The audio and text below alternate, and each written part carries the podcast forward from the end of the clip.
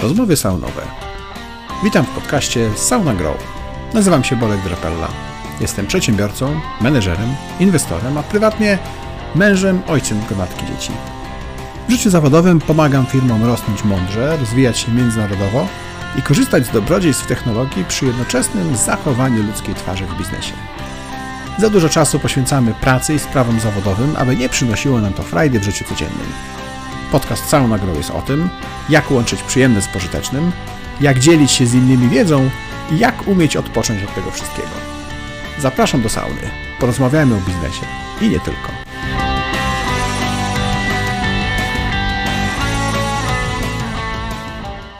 Czy w swoim życiu zawodowym miewasz czasami chwilę zwątpienia, poczucia takiej bezsilności wynikającej z tego, że to, czym się zajmujesz, to, co robisz w danym momencie, nie jest robione tak, jakbyś chciał, że potrzebujesz jakiejś formy wsparcia, ale niekoniecznie to wsparcie jesteś w stanie otrzymać e, we własnej firmie, we własnym, e, własnym otoczeniu.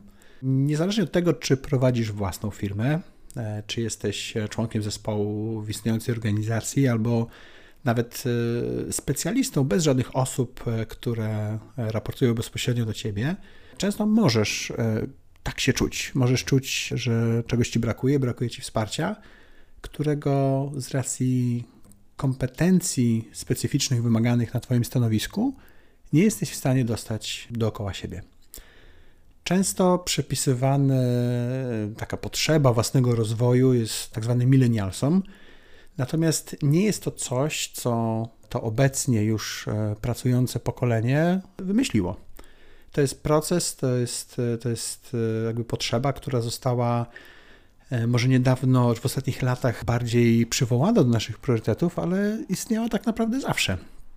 To ta potrzeba, potrzeba rozwoju może była przyćmiona poprzednim etosem pracy, takim, gdzie należało szanować swoją pracę, najpierw być idealnie wyedukowanym do tego, żeby, żeby tą pracę móc spełniać, e, choć nawet idealna z pozoru edukacja, uniwersytety, politechniki i tak dalej nie, nie odpowiadały na te pytania, jak robić coś lepiej niż wszyscy inni, którzy taką samą edukację otrzymali. Natomiast myślę, że ma to duży e, związek z piramidą Maslowa, z piramidą potrzeb Maslowa, gdzie na początku oczywiście są e, podstawowe potrzeby, a później dochodzimy do tego samorozwoju, tak, teoretycznie wyżej w piramidzie. Możliwe, że wynika to z tego, że czasy są teraz lepsze, lżejsze e, niż za czasów e, komuny Polski powojennej, czy już w ogóle wojennej. Jest nam wiele rzeczy danych łatwiej i zaczynamy głośniej mówić, potrzebować tego, o czym może głośniej wcześniej się nie mówiło. Natomiast w obecnym e, czasie, w obecnych czasach, e, nie tylko e, korporacje, ale i startupy zdają sobie sprawę, czy zdały już sobie sprawę, że ten samorozwój jest istotnym elementem ścieżki rozwoju. Tak? I już nawet wspominane jest to w ofertach pracy. Jest to elementem tak zwanego employer brandingu, czyli komunikacji marki pracodawcy w momencie poszukiwania pracowników. I o ile jest w miarę w tej chwili częste wspominanie o tym samorozwoju takich podstawowych do średniego etapu stanowiskach.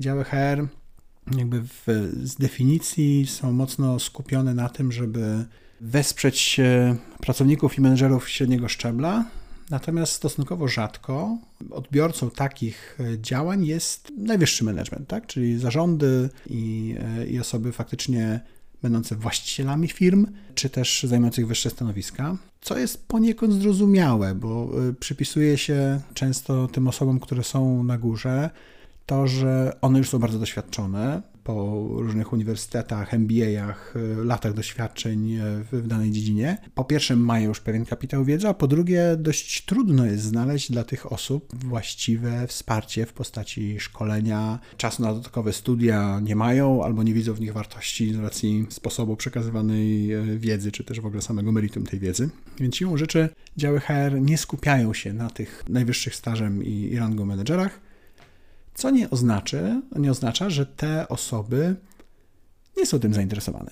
No, oczywiście to zależy od, od konkretnej, konkretnej osoby, tak, ale z mojego już ponad 20-letniego e, doświadczenia menedżerskiego raczej wynika, że ci menedżerowie, którzy odnoszą, odnoszą sukcesy, Oni są głodni, oni chcą się rozwijać, chcą być e, przez to nie tylko szczęśliwsi, ale po prostu bardziej efektywni dla firmy, dla siebie i e, czuć satysfakcję w swoim życiu wynikającą z własnego rozwoju i zrobienia e, tych coraz ważniejszych rzeczy wynikających ze stanowiska po prostu lepiej.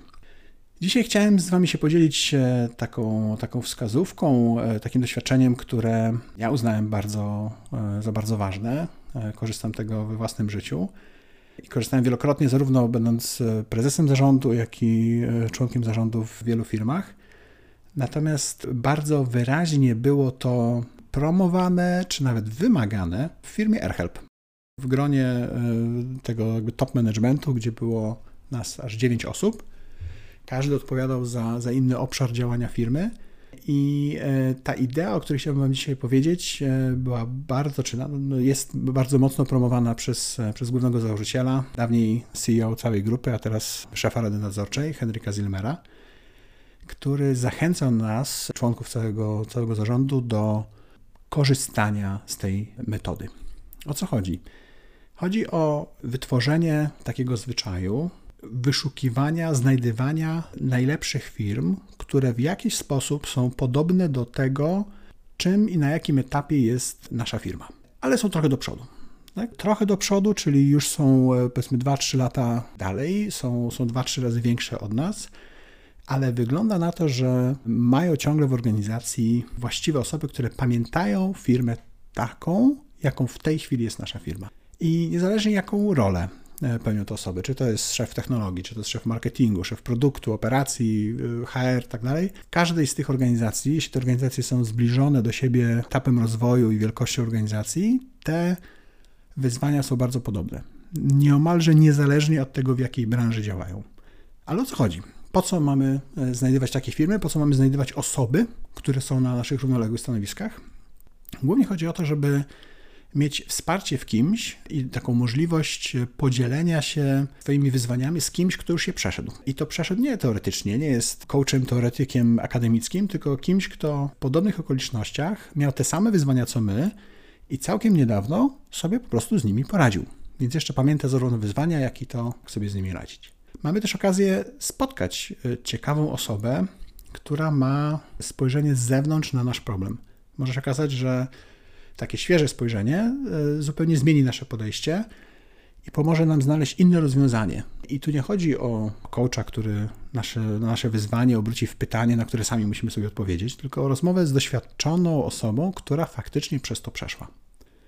Mamy też wreszcie możliwość uczenia się od innych bazując na ich błędach, na błędach, które już te osoby popełniły. Większość osób, szczególnie w odpowiedni sposób zapytana, jeśli widzi, że może pomóc swoimi błędami z przeszłości innym osobom uniknąć takich błędów, chętnie dzieli się tymi doświadczeniami.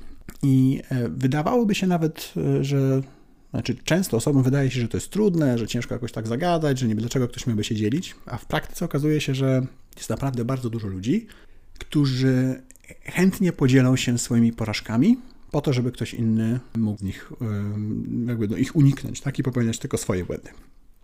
No dobra, ale jak zacząć? Tych kroków jest e, tylko kilka i zachęcam Was do tego, żebyście przeszli ten proces dokładnie w tej kolejności i w takim e, tempie, żeby nie przyspieszać tego procesu, ale żeby on był jak najbardziej wartościowy dla Was.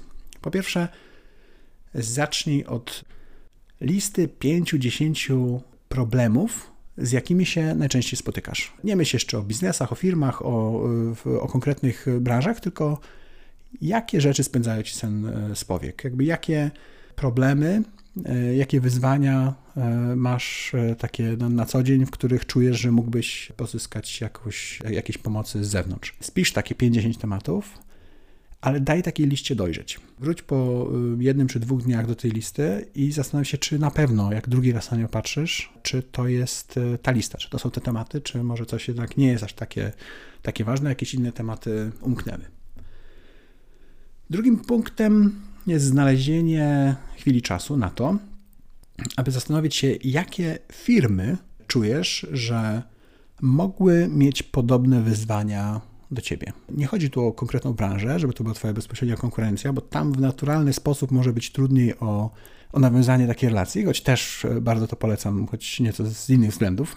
Natomiast pomyśl o firmach, które organizacyjnie, jako, jako struktura, jako firma mogły mieć podobne wyzwania. Pomyśl o 10 takich firmach, ale nie myśl o firmach, które będą 100 razy większe od siebie, od ciebie, od twojej firmy.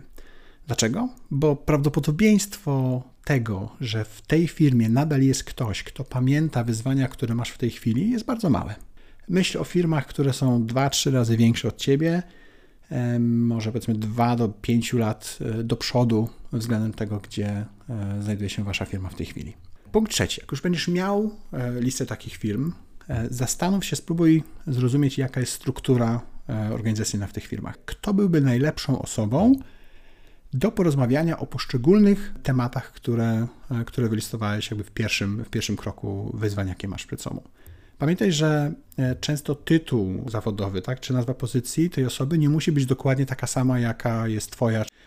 Różne są organizacje, różne, e, różnie te stanowiska wyglądają i różnie przebiega podział obowiązków. Nie wahaj się też odezwać do e, osoby, która zajmuje wysokie stanowisko w dziale HR z tej organizacji, dlatego że jak wytłumaczysz, po co potrzebny ci jest kontakt do konkretnej osoby, to ta osoba prawdopodobnie najlepiej będzie w stanie skierować cię do najlepszej osoby i sama będzie czuła, że w ten sposób może pomóc tej osobie wewnątrz swojej organizacji rozwinąć się i w jakiś sposób poszerzyć jej horyzonty. Więc e, osoby z, z wyższych stanowisk HR-owych, HR Business Partner, wiceprezes e, do, spraw zasobów ludzkich HR, e, to są osoby, które mogą naprawdę często bardzo dobrze pomóc. Te osoby czasami mogą Cię e, przedstawić bezpośrednio prezesowi firmy, a czasami e, odpowiedniej osobie z, z teamu zarządzającego, ale sumarycznie po, po tym jakby zastanowieniu się powinieneś mieć e, listę 10 nazwisk na, po jednym na każdą firmę, z którą chciałbyś się skontaktować. Punkt czwarty wymaga znowu chwili przerwy. Zatrzyma się w tym procesie na dzień lub dwa Zastanów się nad y, listą osób i firm, które zrobiłeś w poprzednich krokach. Zastanów się bardzo dokładnie, co uważasz, że mógłbyś się nauczyć od poszczególnej osoby na Twojej liście. To pozwoli Ci na przygotowanie bardzo dokładnych, takich spersonalizowanych zaproszeń do, do kontaktów, do dyskusji, bo jeśli to zrobisz dobrze, to szansa na to, że te osoby się do ciebie odezwą, zrozumieją intencje i tak naprawdę poprowadzą dalej kontakt i doprowadzą do, e, do spotkania czy, czy, czy wideokonferencji, istotnie wzrasta. Więc to jest punkt, na który bardzo dobrze warto zainwestować chwilę czasu, bo jeśli zamierzasz odezwać się do ludzi, którzy są zajęci w biznesie i w jakiś sposób będziesz e, chciał czy chciała trochę ich czasu im ukraść, tak? Oczywiście jest, to jest obopólna relacja, więc, więc oboje na tym skorzystacie, ale pierwsza, pierwsza percepcja w pierwszym kontakcie może być taka bardziej biorcza niż dawcza. To zastanów się, jak to zrobić e, zwyczajnie dobrze. I w ostatnim punkcie, piątym, odezwij się do tych ludzi ale z bardzo dokładnym e, i spersonalizowanym zaproszeniem do dyskusji i tam, gdzie możesz, szczególnie używając narzędzi e, typu LinkedIn, możesz sprawdzić, kogo macie wspólnych e, znajomych biznesowych i jeśli możesz, to poproś wspólnych znajomych o rekomendacje, żeby to oni przedstawili ciebie tej osobie, żeby to nie było takim kontaktem tak zwanym zimnym, tak, czyli cold callem, tylko żeby faktycznie wynikało z polecenia innej osoby. Takie, takie polecenia zazwyczaj są najbardziej atrakcyjne i po prostu skuteczne i nie uciekają, nie trafiają w próżnię. Jeśli już masz umówione spotkanie, to jeszcze przed samym spotkaniem, oczywiście dobrze jest, jeśli można zadbać o to, żeby to było albo spotkanie osobiste, albo wideokonferencja. Wideokonferencja szczególnie wtedy, kiedy udało Ci się na, na swoją listę spotkań osób y, trafić z osobami, które mieszkają zupełnie w innym, w innym miejscu, tak? w innej lokalizacji poza, poza krajem. Jeśli masz na tyle y, obce języki, że możesz porozmawiać y, z kimś spoza swojego, swojego kraju, swojego kręgu kulturowego, to bardzo dobrze, to znacznie poszerza horyzonty i często pomaga mocno w znalezieniu y, innych rozwiązań niż takie, które są dla Ciebie proste i oczywiste.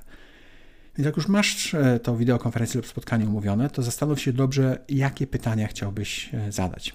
Czego dokładnie chcesz się dowiedzieć i przygotuj się, odrób po prostu pracę domową, zastanów się, jak ta organizacja, jak ta osoba w tej organizacji się zmieniała, jak rosła, jakie mogła mieć wyzwania, i e, czego ty e, mógłbyś się nauczyć z takiej lekcji. Jak to Steve Jobs mawia, stay hungry, stay foolish, tak? czyli e, bądź zawsze głodny większej ilości e, wiedzy i bądź pokorny wobec tego, że inni mogli mieć doświadczenia bogatsze, z których ty po prostu możesz skorzystać. Po takim spotkaniu zrób dobrą notatkę. Możliwe, że uda ci się taką wideokonferencję nagrać, oczywiście za zgodą osoby, z którą rozmawiasz ale zrób tą notatkę, podziel się z innymi osobami w Twojej organizacji, z którymi uważasz, że warto ten konkretny temat, tą konkretną rozmowę współdzielić. Nie, nie trzymaj tego tylko dla siebie. Pamiętaj, że ten tak zwany pay it forward, tak, czyli przekazanie dalej tego, co Ty dostałeś od, od innych osób, jest bardzo ważne. I tak samo, jeśli ktoś do Ciebie kiedyś zgłosi się z prośbą o taką rozmowę, takie spotkanie, pomóż tej osobie. Jak ktoś Tobie pomógł kiedyś, Ty pomóż następnym. Mam nadzieję, że spodoba Ci się e, ten, ten pomysł. Mam nadzieję, że jesteś gotowy, gotowa na, na takie wyzwanie. Daj mi znać, jak Ci poszło. Najlepiej w formie dyskusji lub wiadomości prywatnej, jeśli tak to wolisz, na, na LinkedInie. Ale pamiętaj, że dyskusja publiczna pomoże też innym przekonać się do tego sposobu własnego rozwoju. Pamiętaj, że każda podróż zaczyna się od małego kroku. Powodzenia. Podobał Ci się ten odcinek? Bardzo prosimy, oceń nasz podcast w Twojej ulubionej platformie streamingowej. Jeśli możesz, podziel się linkiem z tego odcinka w social mediach, np. na LinkedInie czy Facebooku. Dzięki temu możemy sprawnie działać i nagrywać kolejne podcasty. Z góry serdecznie dziękujemy za tak okazane wsparcie.